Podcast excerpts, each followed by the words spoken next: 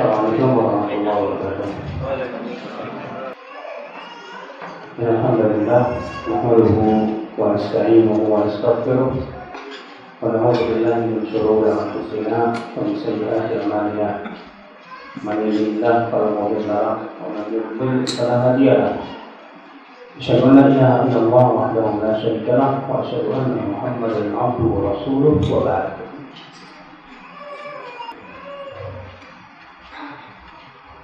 Bapak sekalian, Alhamdulillah pada sore hari ini kita akan membahas kajian keindahan wanita solihat. Karena sesungguhnya wanita solihat itu adalah sesuatu yang luar biasa indahnya. Indah ya dari sisi segala-galanya di mana Allah dan Rasulnya Shallallahu Alaihi Wasallam telah mengabarkan kepada kita tentang bagaimana keindahan wanita salihah itu. Di antara dalil dari Al-Quran Allah Taala berfirman wal baqiyatus salihat khairun inda rabbika dan al-baqiyatus salihat itu lebih baik di sisi Rabbnya. Sebagian ulama tafsir mengatakan Al-baqiyatus salihat ay az-zawjatus salihah yaitu istri-istri yang salihah. Sementara sebagian lagi yang menyebutkan bahwa al-baqiyatus salihah artinya yaitu zikir ucapan subhanallah, alhamdulillah, la ilaha illallah, Allahu akbar. Di antara hadis yang menunjukkan tentang keindahan dan keutamaan serta keistimewaan wanita salihah di antaranya hadis Nabi Shallallahu alaihi wasallam bersabda dalam hadis riwayat Muslim dari hadis Abdullah bin Amr Ad-dunya mata'un wa khairu mata'iha al-mar'atu salihah. Dunia itu perhiasan. Dan sebaik-baiknya perhiasan dunia apa itu? Wanita salihah. Nabi mengatakan bahwa sebaik-baiknya perhiasan dunia adalah wanita salihah. Subhanallah. Di sini Nabi mengabarkan bahwa ya wanita solehat itu hiasan yang paling baik dalam kehidupan dunia ini. Mengalahkan baby band mengalahkan jaguar mengalahkan mobil-mobil mewah mengalahkan apa namanya eh, perhiasan-perhiasan indah. Entah itu mata apa intan permata emas dan yang lainnya. Maka Nabi mengatakan sebaik-baiknya perhiasan adalah wanita salihah Masya Allah. Di antaranya hadis dari Imam Ahmad bahwa Nabi Shallallahu Alaihi Wasallam ia pernah ditanya tentang apa ya harta yang paling baik yang dimiliki oleh seorang laki-laki. Maka Nabi Shallallahu Alaihi Wasallam ia mengatakan bahwa harta yang terbaik yang dimiliki oleh seorang laki-laki adalah ya lisanan zakura yaitu lisan yang selalu berzikir kepada Allah Subhanahu wa taala. Wa qalban syakura dan hati yang selalu bersyukur dan berterima kasih kepada Allah Subhanahu wa taala. Wa zaujah salihah ya tu'inu ala ta'atillah. Dan yang ketiga adalah istri salehat yang membantu suaminya untuk menaati Allah Subhanahu wa taala. Subhanallah ternyata tiga perkara ini akhi sebaik-baik harta yang dimiliki oleh seorang lelaki. Lisan yang selalu berzikir, hati yang selalu bersyukur, dan istri yang membantu suaminya untuk menaati Allah Subhanahu wa taala. Masya Allah. Ya. Luar biasa ikhwat Islam azakumullah wa. Dalam hadis dalam hadis yang dikeluarkan Imam Al-Hakim dalam Mustadraknya dan Imam Hakim mensahihkannya dari hadis Anas bahwa Rasulullah Shallallahu Alaihi Wasallam bersabda, "Man razaqahu Allah imra'atan salihah, faqad a'anahu ala syatri dini." Siapa yang diberikan oleh Allah rezeki istri yang salihat, berarti Allah telah membantu dia untuk menyempurnakan setengah agamanya. Aliyattaqillaha fi syatri maka hendaklah ia bertakwa kepada Allah di setengah yang lainnya. Subhanallah. Ternyata ya akhi, Nabi mengatakan bahwa istri salihat itu membantu menyempurnakan setengah agama seorang lelaki. Dan itu tidak tidak aneh. Bahkan ya dengan wanita solehat itulah bisa mengantarkan seorang laki-laki menjadi seorang sebaik-baiknya manusia. Ya Rasulullah SAW sabda khairukum khairukum li ahli wa ana khairukum li ahli. Sebaik-baik kamu adalah yang paling baik untuk siapa? Ya untuk istrinya. Dan aku yang paling baik untuk istriku kata Rasulullah SAW. Akhwat Islam, ibu-ibu sekalian, ini di antara keindahan dan keistimewaan yang dimiliki oleh wanita solehah. Sekarang kita akan membahas apa dan bagaimana sifat-sifat dan karakter wanita solehah.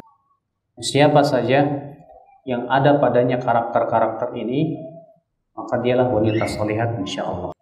Namun yang perlu diingatkan, bahwa wanita solehat itu masuk di dalam hadis Nabi SAW bahwa ia tercipta dari tulang yang bengkok. Nabi mengatakan tentang para wanita apa? Ya, innahunna khuliqna min dhila.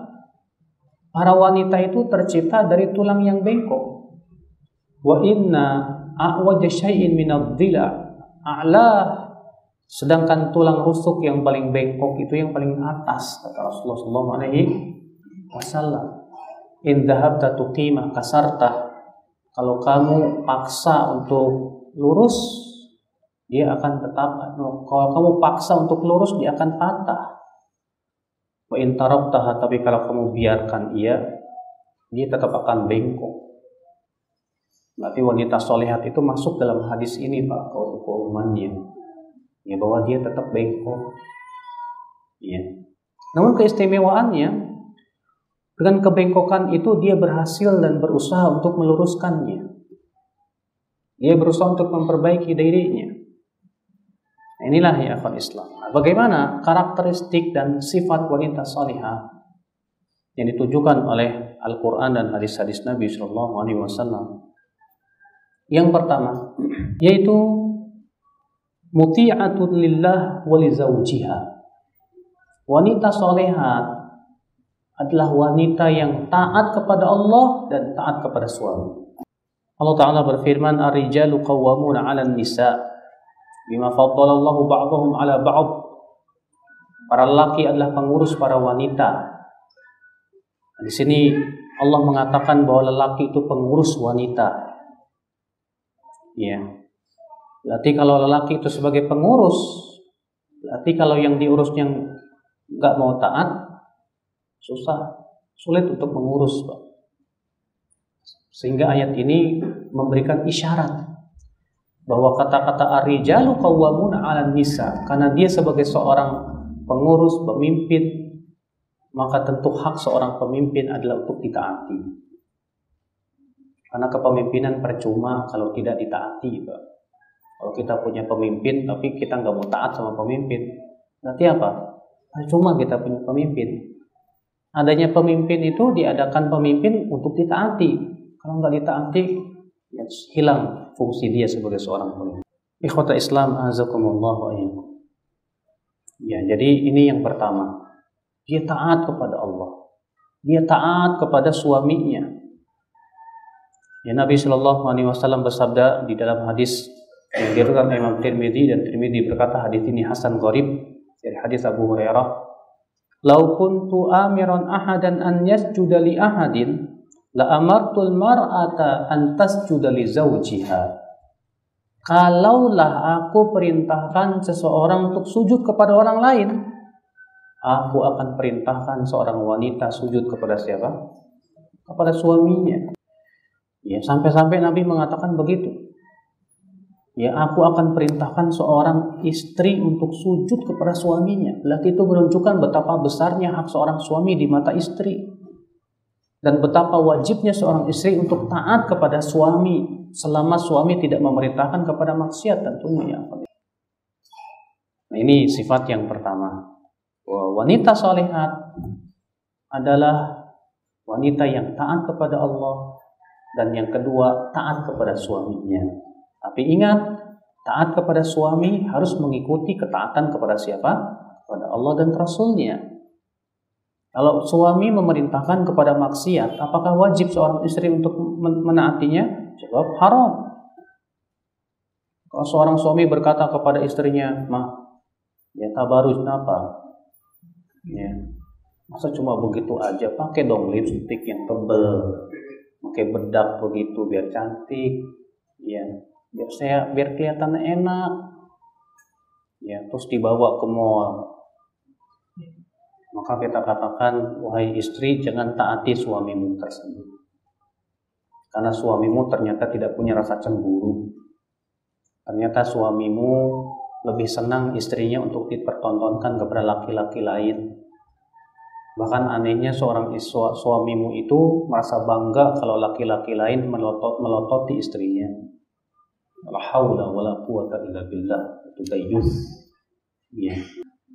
Sifat yang kedua, yang hendaknya dimiliki oleh seorang wanita salihat dan ini karakter wanita salihat annaha tatazayyan li bahwa wanita salihat itu berhiasnya hanya untuk suaminya saja. Ya tidak untuk siapa-siapa. Ya.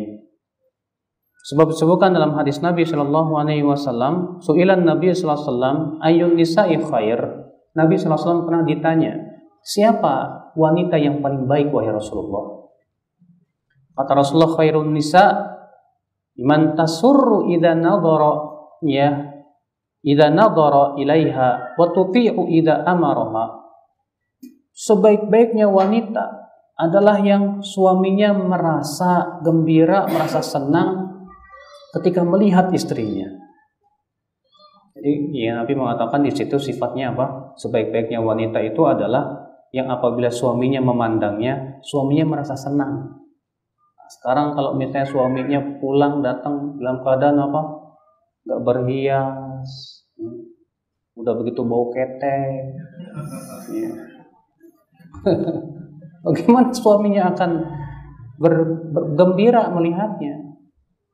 Mungkin melihatnya aja memuntah suaminya itu ya itu menunjukkan bahwa seorang wanita solihat itu berarti dia berusaha untuk tampil cantik di depan suami.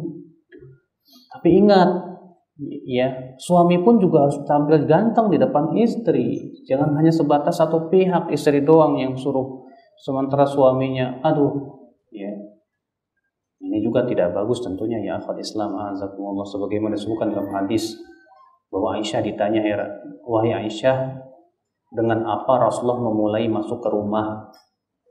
Kata Aisyah dengan siwak. Kenapa Nabi mau masuk ke rumah bersiwak dulu?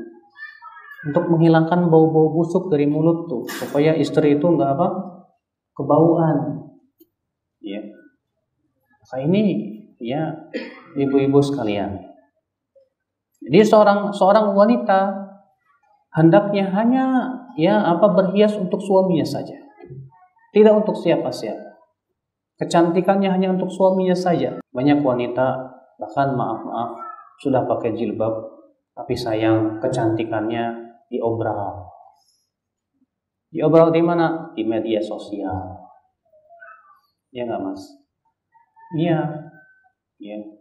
Untuk perempuan pakai jilbab si jilbab, selfie, is. Ya. Kemudian jadiin apa itu apa? um, profil ya gambarnya lagi senyum lah lagi inilah nah, ini subhanallah berarti kecantikannya untuk siapa ini? Perempuan ini? Ya berarti ini kecantikannya untuk laki-laki selain suaminya juga. Kalau ia taruh itu di media sosial itu. Makanya ibu-ibu yang mbak-mbak di belakang yang masih naruh gambar foto selfie-nya di media sosial hapus hapus ya bahaya. Ya. Karena mata laki-laki itu ya jahat ya mata laki-laki itu ya masya Allah nakal. Maka Nabi Shallallahu Alaihi Wasallam ia mengatakan demikian. Dan Allah Subhanahu Wa Taala melarang seorang wanita untuk keluar dalam keadaan tabarruj. Allah berfirman wala tabarrujna tabarrujal jahiliyatil ula. Dan janganlah para wanita bertabaruj dengan tabarut jahiliyah ya wanita kaum pertama itu, orang-orang wanita jahiliyah.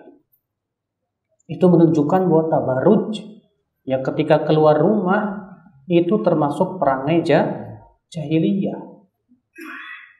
Ya, seorang wanita tidak boleh dan tidak layak untuk tabaruj ketika keluar dari rumahnya. Karena itu dilarang oleh Allah Subhanahu wa taala. Ya. Ini sifat yang keberapa? Sifat yang kedua. Wanita salihat dia hanya kecantikannya untuk suaminya yang tercinta. Wanita yang solihat kecantikannya, ia pun hanya ya dan dan hanya untuk suaminya saja. Yang ketiga, tar'a baitaha wa tahfadhu nafsaha wa malam. Wanita solihat adalah dia berusaha untuk menjaga rumahnya dengan baik. Dia menjaga kehormatan dirinya. Dia juga menjaga harta suaminya. Masya Allah. Di mana wanita solehat itu ketika suaminya pergi dia betul-betul menjaga amanah itu. Menjaga kehormatan dirinya. Itulah wanita solehat. Makanya Rasulullah SAW ketika menyebutkan ya tentang sifat wanita solehat beliau bersabda apa? Watagibu fatamanuha ala nafsiha wa malika. Ketika kamu pergi ya suaminya pergi maka kamu merasa aman kepada istrinya itu ya dan juga aman terhadap harta tersebut. Ini wanita solehat, masya Allah. Dia jaga betul-betul rumah suaminya itu nggak dibiarin amburadul. Ya. Makanya seorang seorang wanita solehat itu berusaha untuk menjaga bagaimana supaya rumah suaminya itu beres, rapi, pekarangan rumahnya dibersihin, karena Nabi Shallallahu Alaihi Wasallam sebutkan dalam dalam Imam Ahmad, amara bitamdifi al afniyah memerintahkan untuk membersihkan pekarangan rumah. Kalau pekarangan rumah aja dibersihin, apalagi dalamnya, mas? Ya, masya Allah. Maka dari itulah ya wanita solehat itu, masya Allah. Ya dia berusaha sekuat tenaga untuk apa? Untuk berbakti betul sama suaminya itu ya. Makanya mencuci wanita ketika wanita soleh itu ya berusaha mencuci pakaian suaminya, masak buat suaminya, ya sebagai apa? Sebagai bakti dia kepada suaminya tersebut. Subhanallah. Ikhwata Islam azakumullah wa Kemudian sifat yang keempat daripada wanita salihah tu'inu zawjaha zawjaha ala amril akhirah yaitu berusaha membantu suami dalam masalah akhiratnya. Seorang suami istri yang solehat itu ya, wanita solehat itu berusaha membantu suaminya dalam urusan akhiratnya. Sebagaimana sudah disebutkan tadi hadisnya ya, oleh Ibnu Abi Syaibah dan Ibnu Majah, ya bahwa ada seorang sahabat dia bertanya harta apa yang paling baik untuk diambil kata Rasulullah yaitu hati yang bersyukur, lisan yang selalu berzikir, dan istri salihat yang membantunya untuk apa? Membantunya untuk menaati Allah Subhanahu wa taala. Nanti seorang istri salihat itu karakternya apa? Dia berusaha membantu suaminya untuk menaati Allah. Diingatkan suaminya, Mas, sholatnya di masjid. Ya, pergilah kamu ke masjid, Mas. Kamu jangan ridho disamain sama perempuan di rumah. Ya. Diingatkan suaminya, Mas, ini udah waktu sholat, Mas. Sholatlah dulu. Bahkan subhanallah ya, ya, suami istri yang saling membantu dalam ketaatan itu Allah rahmati mereka itu. Sukan dalam hadis riwayat Abu Daud Majah Rasulullah SAW sabda apa? Rahimallahu imro'an istayqadha minal lail Semoga Allah merahmati seorang suami yang bangun malam. Wa yusallil lalu ia sholat malam. Wa aiqadha ahlah lalu ia pun membangunkan istrinya. Jika istrinya tidak bangun diperciki wajahnya. Dan semoga Allah merahmati seorang istri kata Rasulullah yang bangun di waktu malam. Lalu ia sholat malam, kemudian ia bangunkan suaminya untuk sholat. Kalau tidak bangun maka diperciki wajahnya. Lalu kemudian keduanya pun sholat. Masya Allah. Antum kalau lagi tidur dibangun sama istri bangun enggak? Mas, ya, bang, ini tahajud bang udah jam 4 ah gampang lah nanti aja. Waktu istri bawa air pro uh kira-kira antum marah nggak mas? Kalau antum marah kurang ajar kamu. Wah. Ya. Berarti antum nggak berterima kasih sama istrinya. Sementara dalam hadisnya disebutkan apa? Ya. Wanita solehat yang Allah rahmati itu dia bangun di waktu malam dia bangunkan suaminya kalau tidak bangun diciprati wajahnya masya Allah maka ketika seorang suami diciprati wajahnya untuk sholat malam lalu berkata, aduh makasih ya istriku ya. Wah berarti ini suami yang masya Allah. Seorang istri pun demikian ketika dibantu oleh suaminya yang untuk sholat malam, suaminya berterima kasih. Berarti ini suami istri yang saling mendukung, suami istri yang saling membantu untuk menaati menaati Allah. Wah ini masya Allah, Pak. Ya, sebuah rumah tangga yang sangat sakinah sekali.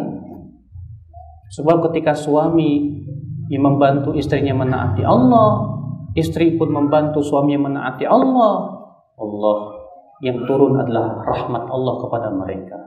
Yang turun adalah kasih sayang Allah kepada mereka. Nah, ini ya. Jadi karakter yang keempat bahwa istri yang solihat, wanita yang solihat adalah yang berusaha membantu suaminya untuk apa? Untuk menaati Allah Subhanahu wa taala mengingatkan suaminya dari perbuatan maksiat. Ya. Maka dari itu seorang wanita solihat ketika melihat is suaminya berbuat maksiat diingatkan mas, ya bertakwalah kamu kepada Allah mas, jangan berbuat maksiat.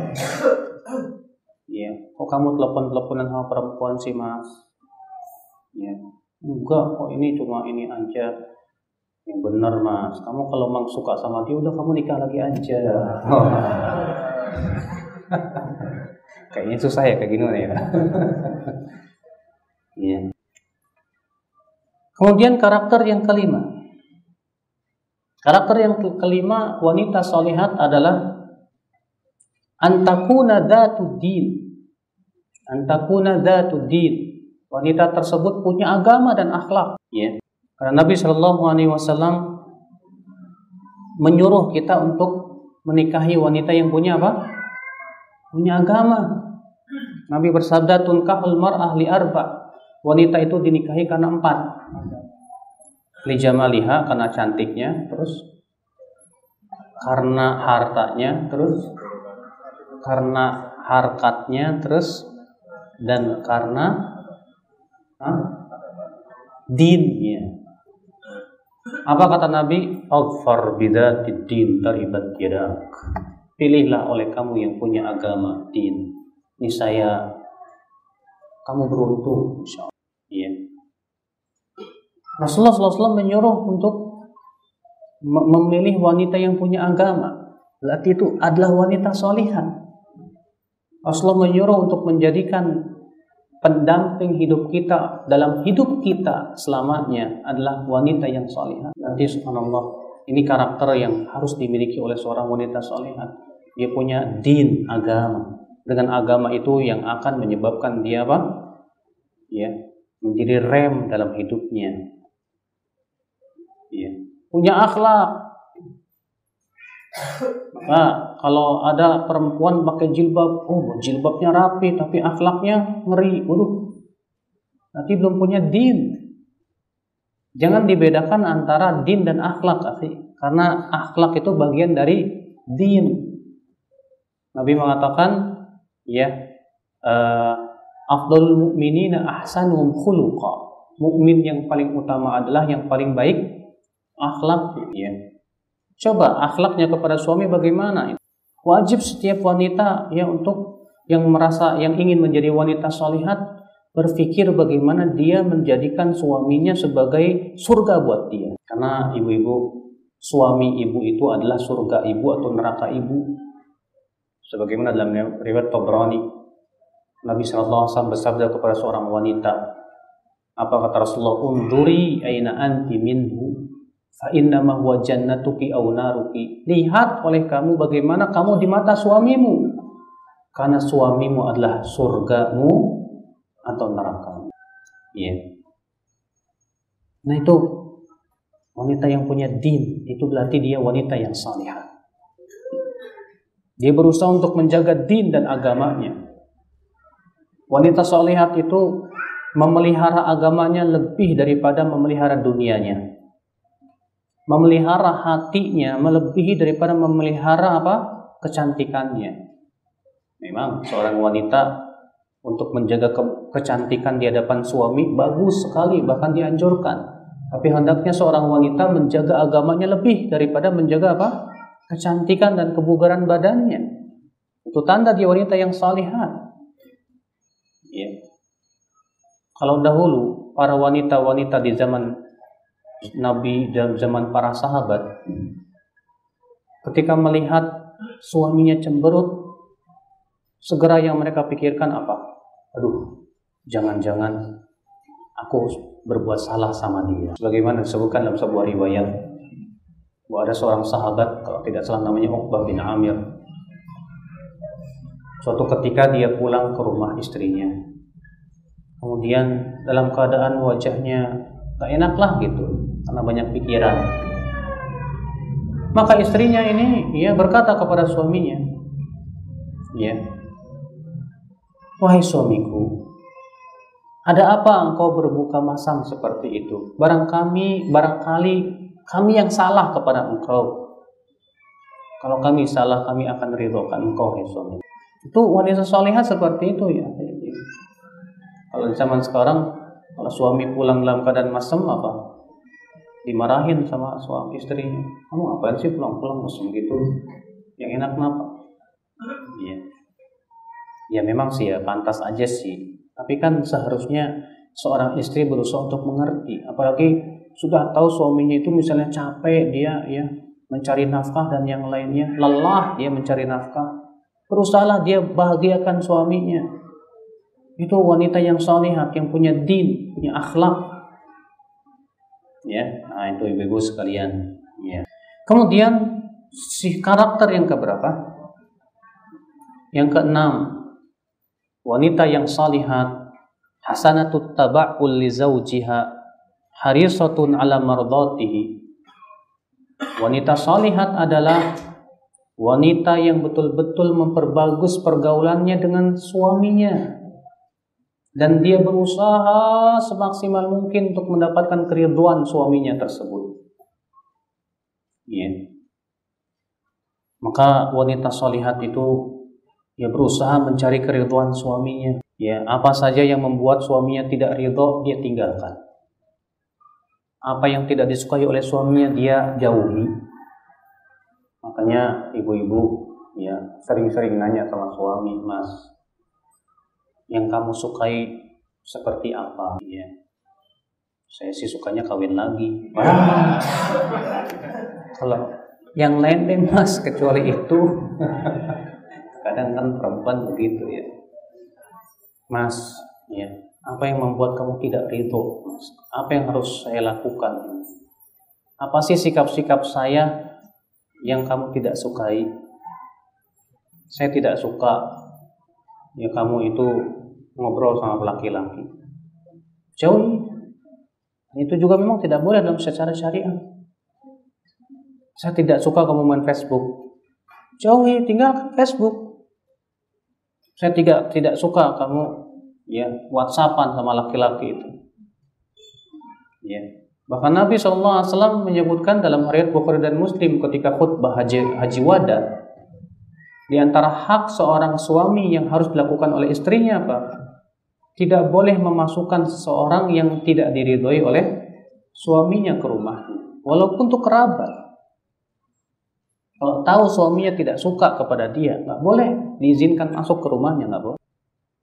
Maka dari itulah itulah ya seorang wanita solehat itu berusaha ya untuk mencari keriduan apa ya suaminya semaksimal mungkin sehingga pada waktu itu ia mendapatkan keriduan Allah Azza wa Jalla karena keriduan seorang istri itu ya kepada Allah ridho kepada istri itu mengikuti keriduan suami kepadanya.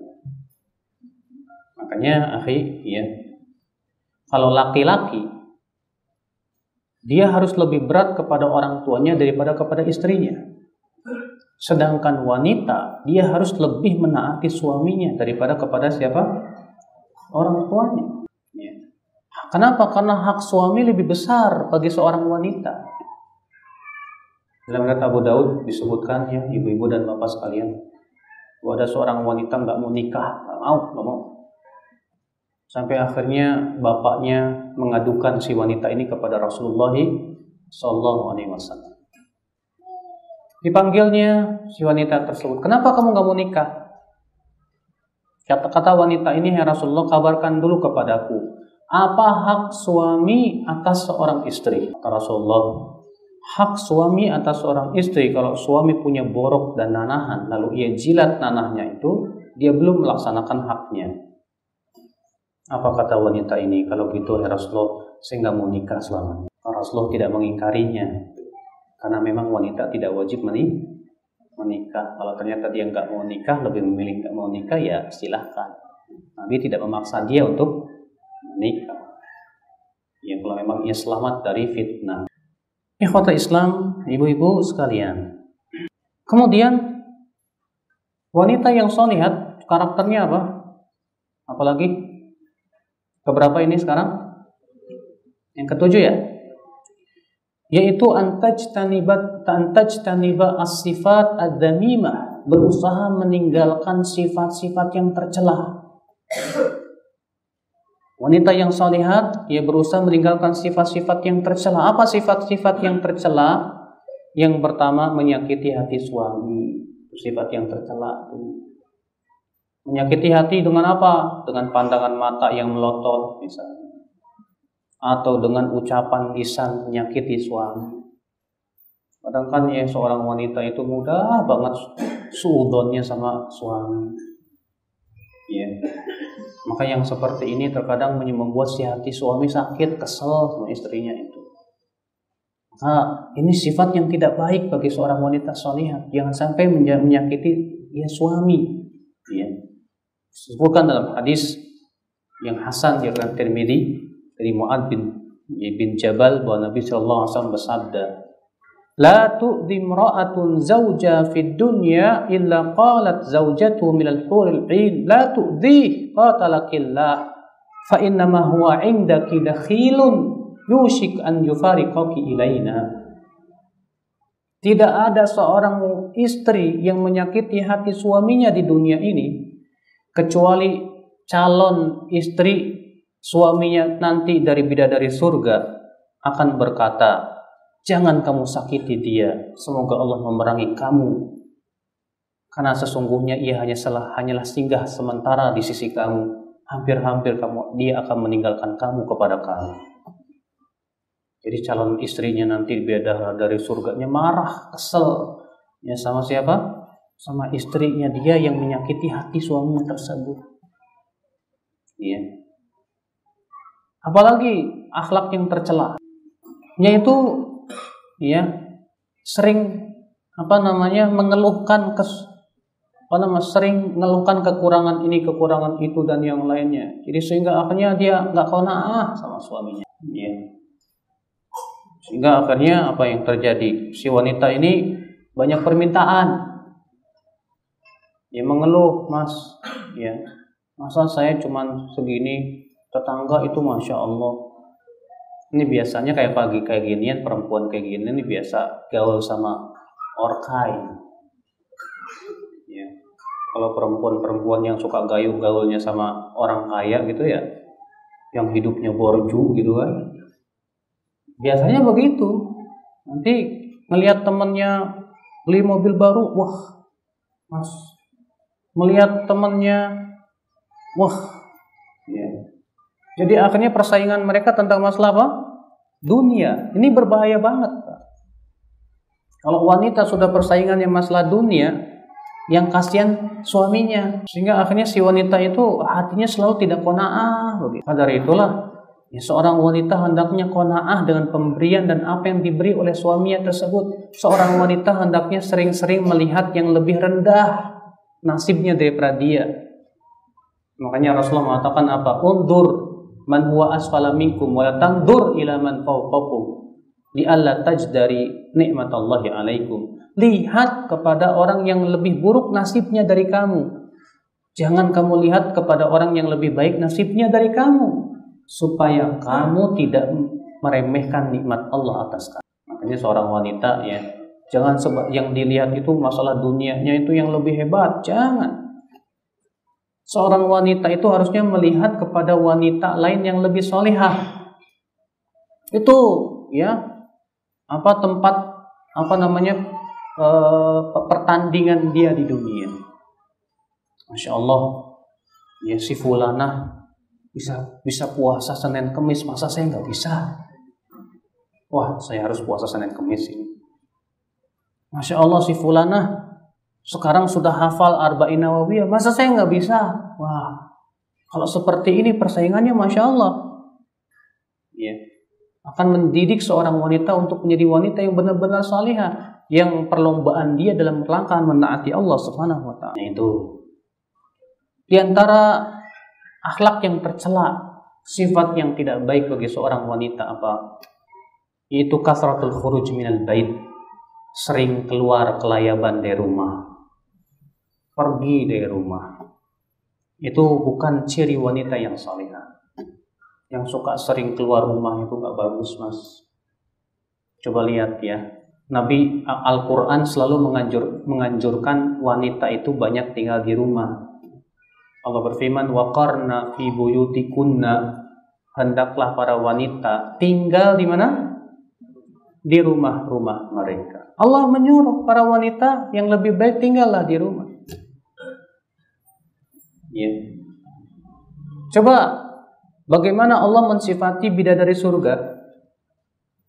Hurum maksuratun fil khiyam. Wa bi ayyi ala'i rabbikuma tukadziban dalam surat Ar-Rahman ya. Hurun. Hur itu artinya apa? Wanita-wanita yang cantik jelita bidadari-bidadari surga. Maksuratun fil khiyam yang selalu terbatas dengan rumahnya. Ia hanya berada di rumah, tidak banyak keluar rumah. Ternyata sifat bidadari surga itu banyak berada di mana? Di rumah. Makanya seorang wanita kalau sudah dicukupi oleh suaminya, udahlah nggak usah kerja lah cukuplah ya di rumah saja. Ya kalau di sini saya dengar kalau di Bali katanya malah kebalikan ya mas ya. Istrinya yang kerja, suaminya di rumah, benar nggak? Ya, sampai saya dengar katanya di Bali itu perempuan jadi kuli bangunan segala. Benar nggak itu? Ya, itu berarti suaminya double. Masa dibiarin istrinya kerja? Memangnya Allah menciptakan perempuan dari tulang apa? Allah menciptakan wanita itu dari tulang rusuk, bukan dari tulang punggung. Ya, kenapa kemudian malah wanita jadiin tulang punggung? Salah. Maka dari itu, ya, masya Allah. Pak Yano, gimana kabarnya Pak Yano? Sehat. Jadi wanita yang solehat itu adalah wanita yang tidak banyak keluar rumah dia lebih betah di rumahnya, ya. Karena kalau wanita sering banyak keluar rumah, bahaya, Mas. Karena kata Rasulullah apa? Wanita kalau keluar rumah itu apa? Yastashrifuha syaitan.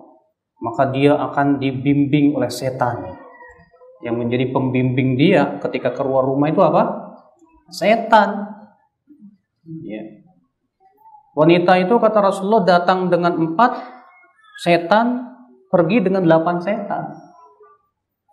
Maka bahaya banget.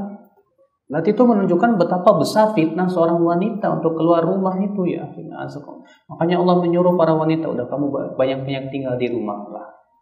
Oh kok Islam mengekang banget ya wanita? Enggak. Itu untuk kebaikan kamu, hai wanita. Sebab kamu itu perhiasan yang sangat luar biasa indahnya. Sedangkan kalau perhiasan yang sangat mahal itu bagusnya sering-sering disimpan. Jangan dijajain ke orang-orang, jadi murahan. Ya, coba deh kalau kamu ambil permen, saya dua, yang satu saya buka, yang satu nggak dibuka, saya buang tuh keluar.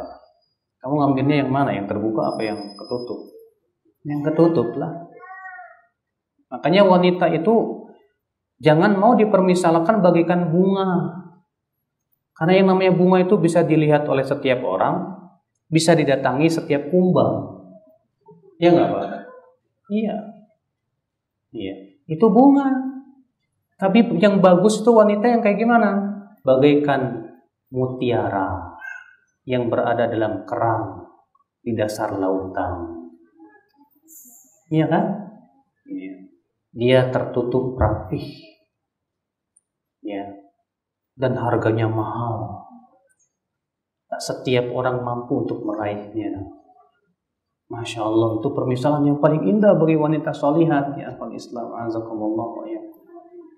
Makanya wanita itu semakin banyak di, di rumah, semakin terjaga ketakwaannya. Dan wanita semakin banyak keluar rumah, semakin tidak terjaga ketakwaan dia kepada Allah Subhanahu Subhanahu wa taala. Makanya mas-mas yang masih punya istri kerja di kantor sono, ya apa antum nggak khawatir nanti di kantor tuh istri antum melihat yang lebih kuanteng dari antum loh mas ya. Di kantor sekantor no laki-laki oh masya allah kuanteng tinggi besar sementara antum pewat ya apa nggak khawatir antum mungkin di depan antum kelihatan istri ya manis-manis aja tapi di belakang wallahu alam Sebab Allah mensifati makar para wanita itu kan ya apa? Inna kaidakunna azim. Sesungguhnya makar para wanita itu besar. Allah mengatakan makar wanita itu besar loh mas, tak kecil. Maka dari itulah Allah menyuruh untuk para wanita banyak-banyak tinggal di rumah. Dengan banyak tinggal di rumah, seorang wanita itu lebih terjaga ketakwaannya, lebih terjaga rasa malunya, lebih terjaga dia ya auratnya, Iya, betul ya, akal Islam. Kemudian di antara sifat yang buruk yang tidak boleh seorang wanita solihat memilikinya apa? Yaitu lisannya selalu menyakiti, lisannya mudah menggibah, lisannya mudah membicarakan aib orang. Ini gak pantas wanita solihat punya akhlak seperti ini. Ya. Makanya Rasulullah SAW dilaporkan kepada Rasulullah, tilari Rasulullah. Dikatakan kepada Rasulullah SAW, Ya Rasulullah, inna fulana tusalli bil lail, wa taf'alul khair, wa tasum, wa tatasaddaq. Ada seorang wanita ya Rasulullah, sholat malamnya rajin, banyak beramal soleh ya Rasulullah. Sudah begitu puasanya rajin ya Rasulullah, sedekahnya banyak. Walakinnaha tu'di jaroha bilisaniha. Tapi sayang hai Rasulullah, wanita ini suka menyakiti tetangga dengan lisannya. Apa jawab Rasulullah? Jawabannya mengerikan. Kata Rasulullah, "Laisa fiha khair." Itu wanita tidak ada kebaikannya. Innaha min ahlin nar. Dia termasuk penduduk api neraka. Bayangkan Rasulullah sampai-sampai mengatakan tidak ada kebaikannya loh. Ustaz, Kok nggak ada kebaikannya? Bukankah setiap kebaikan akan diberikan balasan oleh Allah? Kenapa Rasulullah kok mengatakan tidak ada kebaikannya sementara disebutkan di situ bahwa wanita tersebut rajin sholat malam, rajin puasa, rajin sedekah, rajin berbuat baik kepada orang? Iya. Tapi ternyata Rasulullah hanya karena lisannya menyakiti tetangganya, Rasulullah mengatakan apa? Tidak ada kebaikannya wanita itu. Kok bisa begitu? Ya, Bukankah ibadah tujuannya untuk menimbulkan ketakwaan? Kok dia sholat malam, kok dia puasa, tapi kok lisannya nggak bisa dijaga? Berarti kan sholatnya, puasanya, amalannya ada sesuatunya itu. Seharusnya sholatnya itu mencegah dari perbuatan keji dan muka. Makanya wanita ya hati-hati deh kalau ada orang yang suka ngerumpi, jangan didengerin. Jangan wahai para wanita kalian telinga-telinga kalian tuh bagikan tong sampah. Jangan. Kata Rasulullah SAW apa? Kafa bil mar'i kadiban an yuhadditha bi kulli masami. Cukuplah bagi seseorang dusta dia menyampaikan semua yang dia dengar. Semua yang didengar langsung sampaikan. Semua dengar langsung sampaikan. Akhirnya ini telinganya diketok tong sampah. Gak boleh seperti itu wahai para wanita. Ya Allah menyuruh kita untuk senantiasa apa? Tasabut, tabayun, Ya, kalau kita mendengar berita-berita tentang seseorang atau apa pun siapa pun, jangan dulu diterima. Periksa dulu dengan teliti. Ya, kata Rasulullah Allah mengatakan apa? Ya ayyuhalladzina amanu in ja'akum fasiqun binaba'in fatabayyanu. Wahai orang-orang yang beriman, apabila orang fasik membawa berita kepada kamu, maka periksa dulu dengan teliti. Ya. Supaya kamu tidak menuduh orang lain dengan kebodohan dan kamu kelak akan menyesal pada hari kiamat. Nah ini jadi ibu-ibu ya jagalah lisan ibu. Ya. Hendaklah ibu bergaul dengan orang-orang yang tidak suka gibah. Kalau ibu sedang duduk ternyata di situ ada orang menggibah, wajib pertama ibu harus ingkari. Kalau ibu tidak mampu, maka ibu wajib pergi dari majelis tersebut. Karena Allah mengatakan, wa idza ra'aita alladziina yakhuduna fi ayatina fa'arid anhum hatta yakhudu fi haditsin ghairi. Apabila kamu melihat suatu kaum yang sedang berbicara-bicara dalam perkara-perkara apa? Ya, yang tidak benar, maka apa? Berpalinglah kamu dari majelis tersebut sampai mereka berbicara dalam perkara yang lainnya. Ini kadang-kadang enggak. Ya, ketika lagi ngerumpi malah asyik Hah, masa sih orangnya begitu? Uh ya. Akhirnya tambah semangat untuk memusuhi orang. Kan ini musibah. Dan ini banyak maaf maaf saja di kalangan para wanita. Ya makanya Allah Subhanahu wa taala mengkhususkan wala nisaun min nisain ala asa ayakunna khairan minhunna. Dan janganlah seorang wanita memperolok wanita lain boleh jadi yang diperolok lebih baik daripada apa? Yang memperolok. Perhatikan firman Allah. Bil boleh jadi yang diperolok lebih baik daripada yang memperolok. Kata-kata lebih baik berarti itu ada isyarat bahwa orang yang memperolok itu merasa dirinya lebih baik. Sebab kalau dia merasa saudaranya lebih baik, dia tidak akan memperolok. Masya Allah. Nah inilah wahai para wanita solehat, ya, ibu-ibu insya Allah yang di belakang wanita-wanita solehat berusahalah untuk ya menjadi wanita-wanita yang sebaik-baiknya perhiasan dunia. Semoga semua kita diberikan oleh Allah kekuatan ya untuk menjadi orang-orang yang saleh yang taat kepada Allah Subhanahu wa taala. Sampai jam 5 kan ya? Silakan ibu-ibu ada yang mau tanya. Kalau laki-laki nanti aja ya, nggak usah nanya ya. Dari ibu bisa.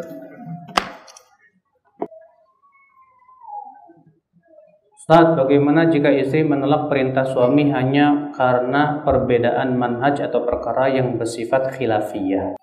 Sifat khilafiyah itu maksudnya apa? Ijtihadi. Ijtihadiyah misalnya.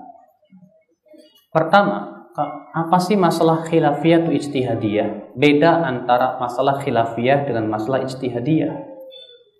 Khilafiyah itu artinya yang diperselisihkan Istihadiyah itu artinya yang tidak ada nas yang sorry dalam permasalahan tersebut. Tidak setiap yang diperselisihkan bisa kita hormati, nggak bisa. Kadang perselisihannya yang satu jelas batil, yang satu apa? Batil, jelas-jelas tidak benar. Maka ini harus kita tolak. Ya. Tapi kalau istihadiyah artinya tidak ada nas dalam permasalahan itu di mana masing-masing para ulama punya dalil yang kuat, dalil-dalil yang kuat.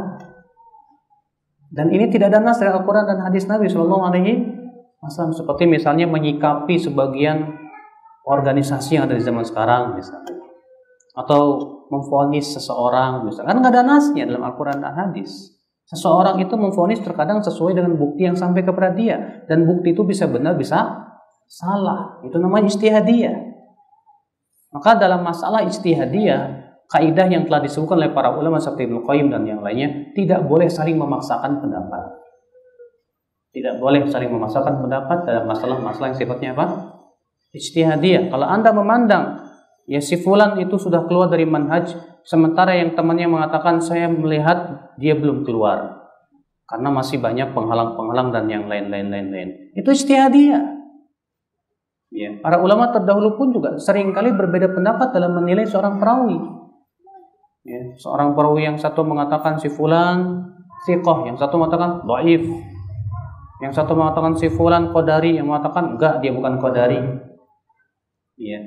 Itu terjadi di zaman dahulu dan mereka tidak saling celak mencela dalam masalah itu karena itu tidak ada nas dalam syariat ya dalam Al-Qur'an dan hadis Nabi Shallallahu alaihi wasallam. Maka kalau memang itu sifatnya istihadi, hendaknya si istri memberitahu kepada suaminya, "Mas, ini masalah ijtihadiyah nggak boleh kita sering memaksakan pendapat satu sama lain. Tapi kalau suami tetap memaksakan, kak kamu pokoknya harus ikut saya. Ya.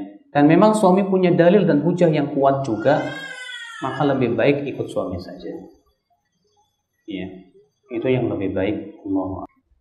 Saya seorang menantu yang setiap Sabtu Minggu nginep di rumah mertua. Bagi saya mana yang lebih utama yang harus saya lakukan? mengikuti kajian di majlis taklim atau membantu mertua dalam menyiapkan sarapan. Karena dalam hati saya, saya ingin berhadir dalam majelis. Tapi juga merasa nggak enak jika tidak membantu mertua menyiapkan sarapan. Siapkanlah sarapan, kemudian setelah itu pergilah ke majlis taklim. Masa nggak bisa? Emang menyiapkan sarapan lama banget ya? Ya, Majlis taklim ini jam berapa? Ya, cobalah dikondisikan. Beritahu kepada mertua, ya, bapak mertua yang saya cintai. Uh, mohon izin saya pengen hadir di majlis taklim. Tapi saya pengen bantuin buat persiapan makan. Jadi sebelum saya pergi saya mau bantu-bantu dulu nih. Ya, apa yang saya bisa bantu ngomong baik-baik kepada mertua bahwa dia pengen pergi ke majlis taklim. Insya Allah kalau kita terang-terang sama dia, dia akan izinkan kok. Ya, Insya Allah. Bagaimana kalau seorang suami yang sering menyakiti istrinya baik dengan perkataan ataupun sikapnya dan selalu berprasangka buruk terhadap istrinya? Solusi apa yang harus istri lakukan? Biasanya sih kalau is, ustadz mana pun kalau ditanya seperti itu jawabannya simpel Pak. Tapi jawaban ini yang sering tidak disukai oleh para istri. Apa jawabannya? Sabar. Dan saya yakin yang bertanya pun tidak suka jawaban seperti ini. Karena memang Pak, sabar itu panas, ya kan? Nabi mengatakan asabru diyaun Sabar itu bagaikan cahaya, cahaya matahari. Matahari itu manfaatnya luar biasa, tapi panas ya. Kalau kita dijemur di bawah matahari kayak gimana rasanya? Begitu pula kesabaran. Ya, jawaban saya hanya satu, sabar. Ya. Menghadapi suami seperti ini, sabar. Sebab tidak ada dua, tidak ada solusi kecuali kesabaran. Sebab kalau nggak sabar, ya minta cerai kan? Nggak lepas dari itu. Ya. Tapi ingat, jawaban sabar ini simpel memang, tapi sebetulnya itu solusi yang paling tepat. Dan jangan seorang wanita punya prasangka kalau dia sabar tidak akan memberikan solusi. Justru sebetulnya dengan sabar itu solusi yang paling besar buat dia hidup. Bukankah Allah berfirman, Inna Allah ma'a asabirin. Sesungguhnya Allah bersama siapa? Orang yang sabar. Ya. Rasulullah bersabda apa? Wa'lam ya annal nasra ma'al ma'as sabr. Ketahuilah bahwa pertolongan Allah datang bersama kesal kesabaran. Sekarang kamu yakin nggak kalau sabar Allah tolong? Kalau kamu yakin ya udah amalkanlah ini. Ya, sabarlah menghadapi kesakitan. Insya Allah dengan kesabaran kamu suami itu akan tahu diri insya Allah. Ya. Jangan menimpal ucapan dia yang menyakitkan dengan ucapan kamu yang menyakitkan. Sabar. Lebih baik diam daripada menimpal. Sebab kalau menimpal ucapan dia, akibatnya cekcok. akibatnya berantem, piring terbang dan yang lainnya. Maka itu tidak bagus. Ya.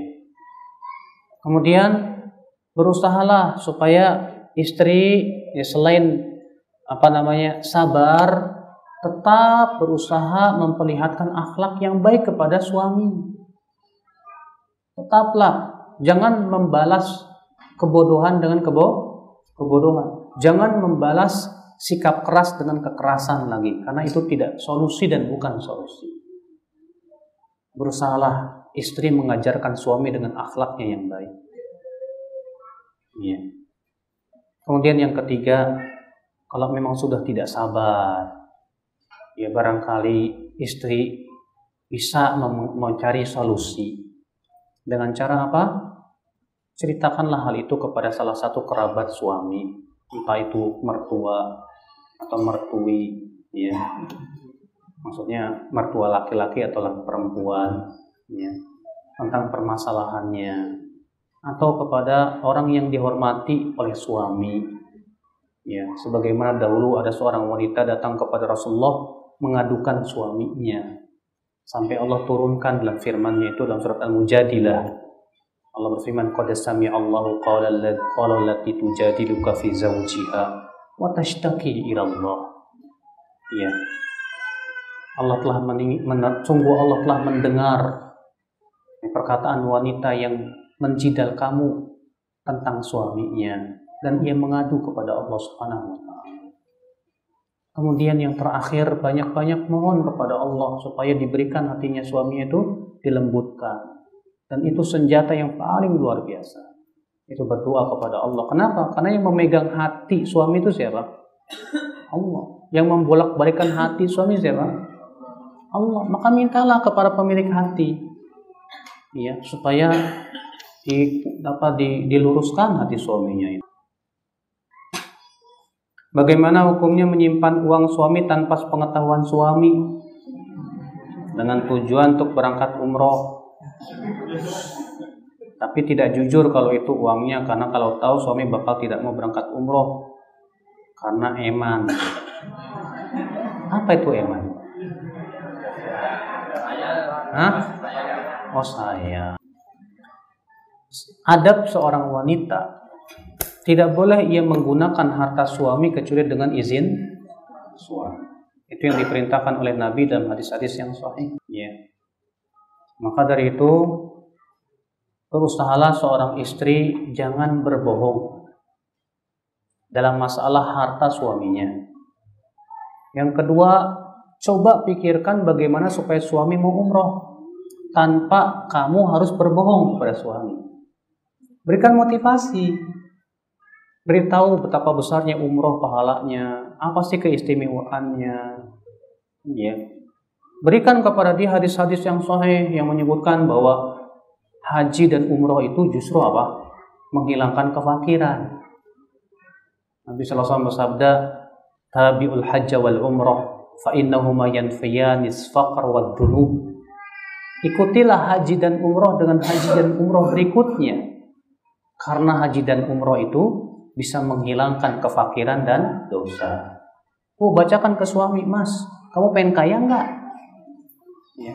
Pengen gak dihilangkan kefakiran? Insya Allah mas, jangan takut mas. Kalau kita umroh, haji, Allah berkahi harta kita, Allah ganti dengan yang lebih baik. Nah, berarti seorang istri harus punya punya sifat motivator pada suaminya itu. Kamu kenapa harus eman sama harta mas? Yang namanya duit itu Ya kalau kita nggak pakai buat kebaikan ya pasti buat dimakan ke perut kan mas. Coba yang pinter deh, nah, yang ngasih masukan ke suami itu biar suami apa? Ya, e, termotivasi gitu loh untuk umroh. Iya, kasih ya masukan-masukan yang bermanfaat. Kalau misalnya suaminya kekeh, udah masih banyak kok amalan lain yang lebih besar apa yang sama dengan umroh. Itu bantu tetangga yang susah. Ya kata Rasulullah as-sa'i ala al-marah wa du'afa kal mujahid fi sabilillah. Orang yang memperhatikan para janda dan orang-orang lemah sama pahalanya dengan jihad fi sabilillah. Ya udah kalau memang seperti itu maunya suami. Kalau gitu ya udah, bantu fakir miskin, bantu para janda. Jangan dibiarkan suami yang bantu janda. Nanti kecantol. Istrinya yang berusaha bantu janda tuh, ya masya Allah dari uang suaminya. Ya udah mas, ya kalau kamu nggak kalau kamu nggak mau umroh mas, gimana kalau uang ini untuk membantu orang-orang susah mas? Pahalanya juga besar mas. Ya, coba seorang suami istri berusaha untuk memberikan solusi-solusi yang baik dan dia berusaha membantu suaminya kepada keta ketaatan. Ya. Pak Ustadz, bagaimana seorang wanita yang bekerja sehingga urusan rumah tangga wanita itu diam, bisa diambil semua? Sehingga suaminya yang mengambil alih pekerjaan rumah tangga. Ya Allah, kasihan amat jadi lupa. Bapak rumah tangga, bukan ibu rumah tangga. Menurut Pak Ustadz, apakah wanita seperti ini dikategorikan berkurang kesolihatannya? Iya, Sebab ia tidak sesuai dengan apa yang disebutkan dalam Al-Quran. Bahwa wanita solihat itu adalah yang banyak tinggal di di rumah, yang berbakti kepada sua, suami. Berarti ini sifat nggak ada pada wanita tersebut. Ya. Habis gimana Ustaz kalau saya nggak bekerja, suami saya nggak mau kerja. Suami saya juga malas bekerja dan dia nggak bisa kerja. Saya terpaksa harus kerja cari nafkah. Nah, kalau memang keadaannya terpaksa, keadaan seperti itu ya gimana lagi? Ya karena suaminya lemah untuk bekerja. Karena kan ada sebagian orang tuh pak memang dia punya sifat dia nggak bisa kerja gitu. Dia nggak punya skill nggak punya kemampuan nggak punya nggak bisa. Mau dagang nggak bisa ngapa-ngapain nggak bisa gitu kan. Makanya ya sudah dia jadi bapak rumah tangga deh. Istrinya kerja cari nafkah. Ya keadaannya gimana lagi? Ya kalau memang keadaannya mendesak ya silahkan walaupun tentu tetap dipelihara batasan-batasan dalam syariah seperti tempat kerjanya jangan sampai campur baur laki-laki perempuan keluar bekerjanya fitnah ya. mertua saya punya hutang ratusan juta Ustaz. hutang kredit dan lain-lain suami saya ingin melunasi semua hutang ibunya tersebut tapi saya inginnya kami mencukupi kebutuhan keluarga kami dulu. Misalnya dana sekolah anak. Kami selalu bertengkar soal ini. Mohon jawabannya Ustaz. Kenapa harus bertengkar? Insya Allah saya yakin suami pasti akan memperhatikan sekolah anak. Cuma masalahnya ya istri ini terlalu khawatir. Khawatir apa? Kalau buat bayarin utang ibu Nanti buat sekolah anak gimana? Nah itu kekhawatiran ini dari setan sebetulnya. Yakin, Bu, kalau suami itu berbakti kepada orang tua, pasti diberkahi oleh Allah hartanya, Bu. Kalau suami dia mau berbakti, udah saya mau mau bayarin hutang orang tua saya yang ratusan juta itu. Dukung, bilang kepada dia, Mas, bayarkan. Insya Allah Allah ganti dengan yang lebih baik. Allah benar. Ingat janji Allah Subhanahu wa taala ya, bahwa membantu orang tua itu mendatangkan keber keberkahan dalam hidup. Jangan takut, jangan khawatir. Kekhawatiran kamu itu dari setan. Sehingga kamu begitu khawatir nanti buat masa depan anak gimana? Tawakal sama Allah. Yang penting kasihan ini orang tuanya dia. Kewajiban suami kepada orang tua lebih besar daripada kepada anak dan istrinya. Kan nggak usah bertengkar lah. Bertakwalah kamu hai wanita. Kalau bertengkar gara-gara itu, harusnya kamu dukung suamimu untuk berbakti kepada orang orang tua. Karena itu ciri wanita soleha. Ciri wanita sholat itu mendukung suaminya untuk berbakti kepada orang tuanya. Ya bilang ke suami mas, udahlah bantu bayarkan dia. Tapi jangan kamu lalaikan kami dan anak-anak kami. Insya Allah ya dia laki-laki yang berbakti kepada orang tua, dia pun tidak akan mengecewakan anak dan istrinya. Iya. Bolehkah sholat tahajud berjamaah dengan suami? Sekali-kali nggak apa-apa. Tapi jangan jadikan kebiasaan. Ya, karena Nabi SAW tidak pernah membiasakan sholat tahajud bersama berjamaah bersama istrinya.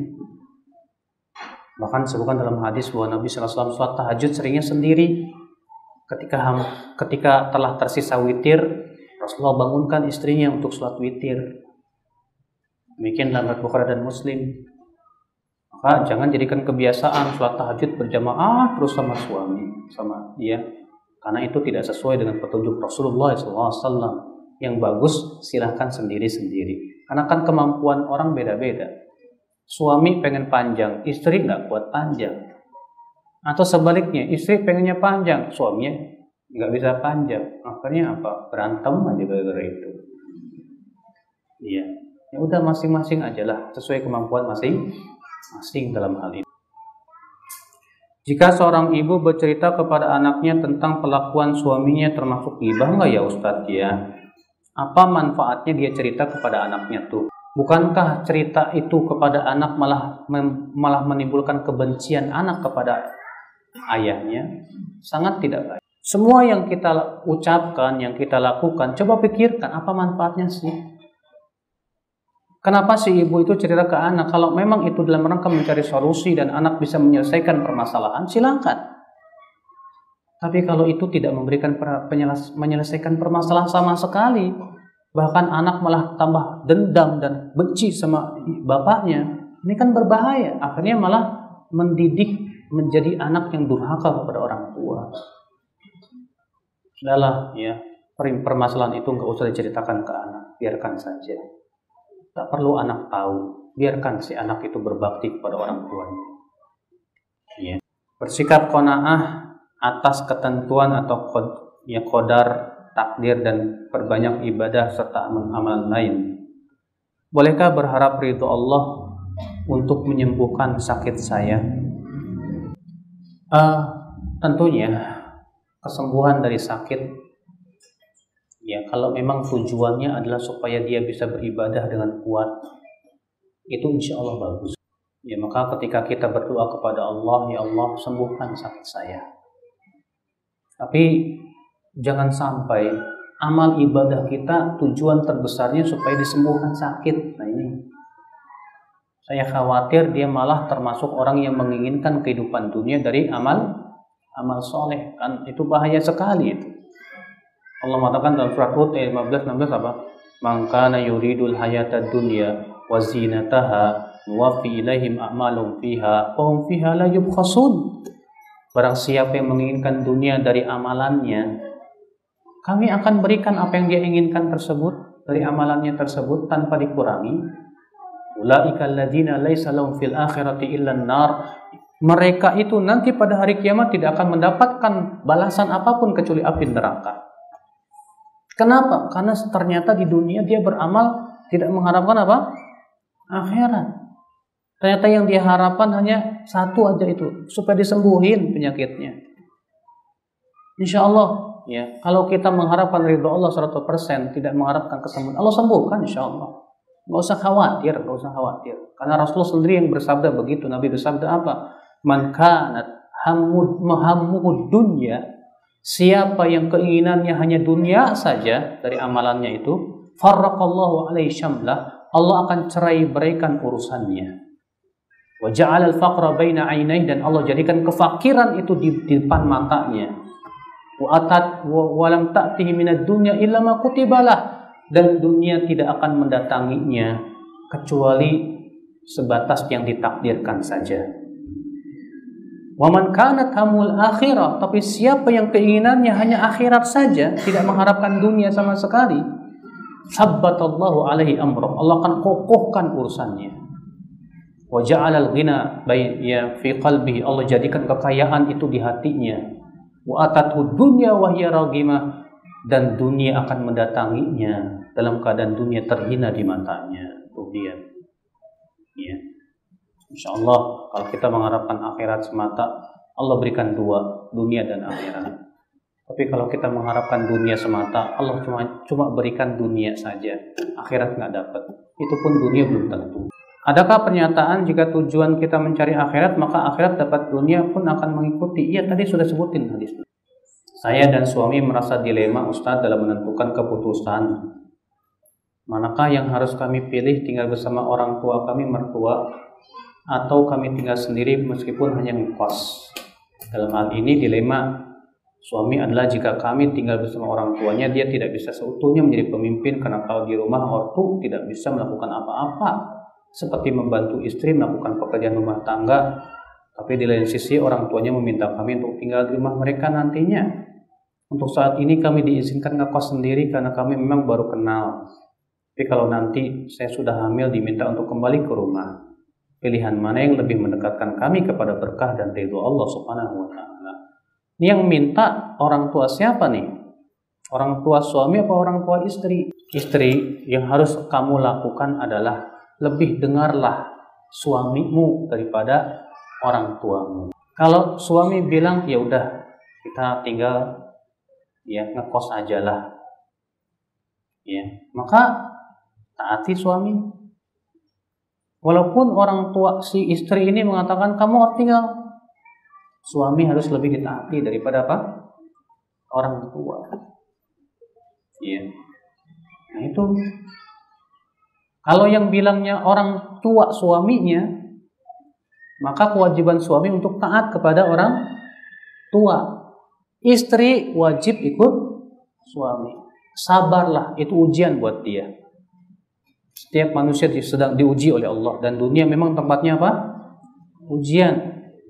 Terkadang ya kata pepatah terkadang angin itu berhembus ke arah yang tidak diinginkan oleh nakhoda. Terkadang ujian itu dalam perkara yang kita tidak inginkan. Di situlah memang kita diuji dalam hidup kita. Sabar. Ya, memang paling pahit itu kata sabar, mas. Ya, paling pahit. Tapi insya Allah hasilnya paling baik. Ya. Hah? Ada door prize katanya buat umahat. Insya Allah yang akan bertanya bertanya Mas Badi. Silakan Mas Badi. Baik, yang pertama jawab pertanyaan ya. Sebutkan ciri ya apa dua keistimewaan wanita solehat apa dua keistimewaan wanita solehat sebutnya banyak yang pertama taat kepada Allah dan suaminya. Enggak, itu mah karakter. Mereka istimewaannya apa? Yang di awal-awal tadi saya tanyain loh, eh, saya bahas keindahan wanita solehat. Saya sebutkan beberapa hadis itu. Ingat nggak? Kalau nggak ingat ya udah nggak jadi deh dot pressnya. Ibu-ibu pasti nggak pada niat kok. Ah, silakan. Hati yang bersyukur, kemudian yang selalu berzikir. Kenapa itu? Karakter itu karakter. Apa itu? Ibu nyatet nggak sih bu tadi bu? Ngobrol ya?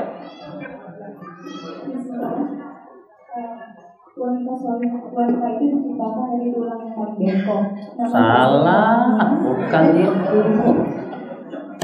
Ada lagi?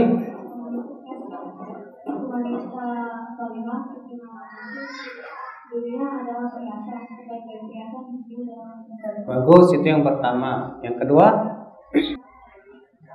Yang dianugerahi istri solehah maka telah membantu menyempurnakan setengah agama suami. Masya Allah betul. Bagus. Itu keistimewaan di antara keistimewaan istri soleha. Yang kedua, pertanyaan yang kedua, sebutkan tiga karakter istri soleha.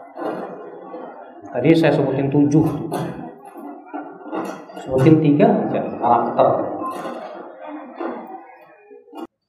Ada mau jawab nggak? Betul. Terus? kemuliaannya Mm-mm. Terus? Lihat buku nggak? Iya, bagus. Kasih. Pertanyaan yang ketiga. Bu, anaknya jangan dilemparin dong.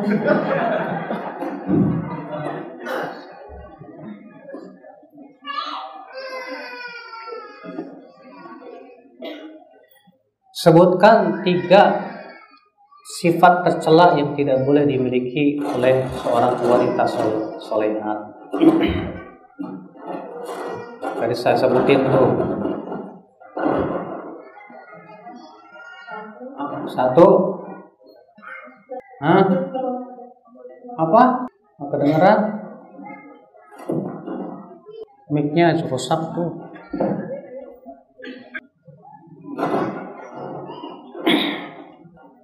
Apa Bu?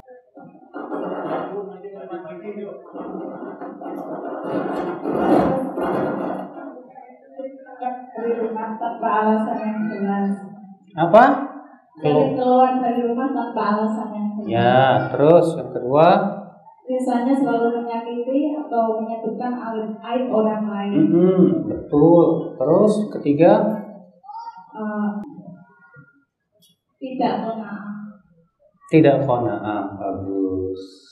Pasti.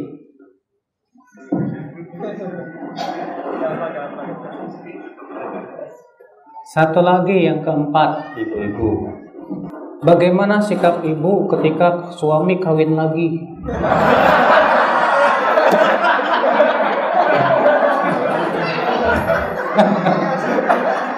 ini ini pra, ini pertanyaan praktek aja pengen denger aja pengen denger. Silakan bu.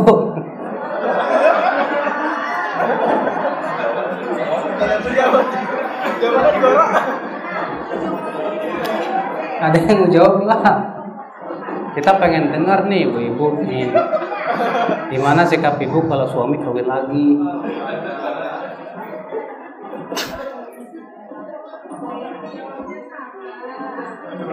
Sabar. Jawaban sabar. apa jawabannya Sabar. Sabar. Hah? Oh, salah satu dong kasih alasan-alasan kasih penjelasan nggak ada yang mau jawab ya? Ini eh, jawabannya sesuai dengan penjelasan Ustaz yang tadi atau jawaban saya sendiri? ya sendiri lah yang yang mau jawab. Saya harus sabar, ikhlas dan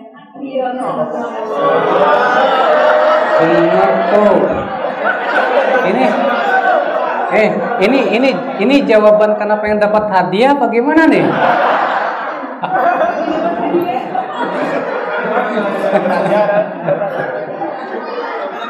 ya udahlah kasih aja hadiahnya deh mudah-mudahan benar dan jujur.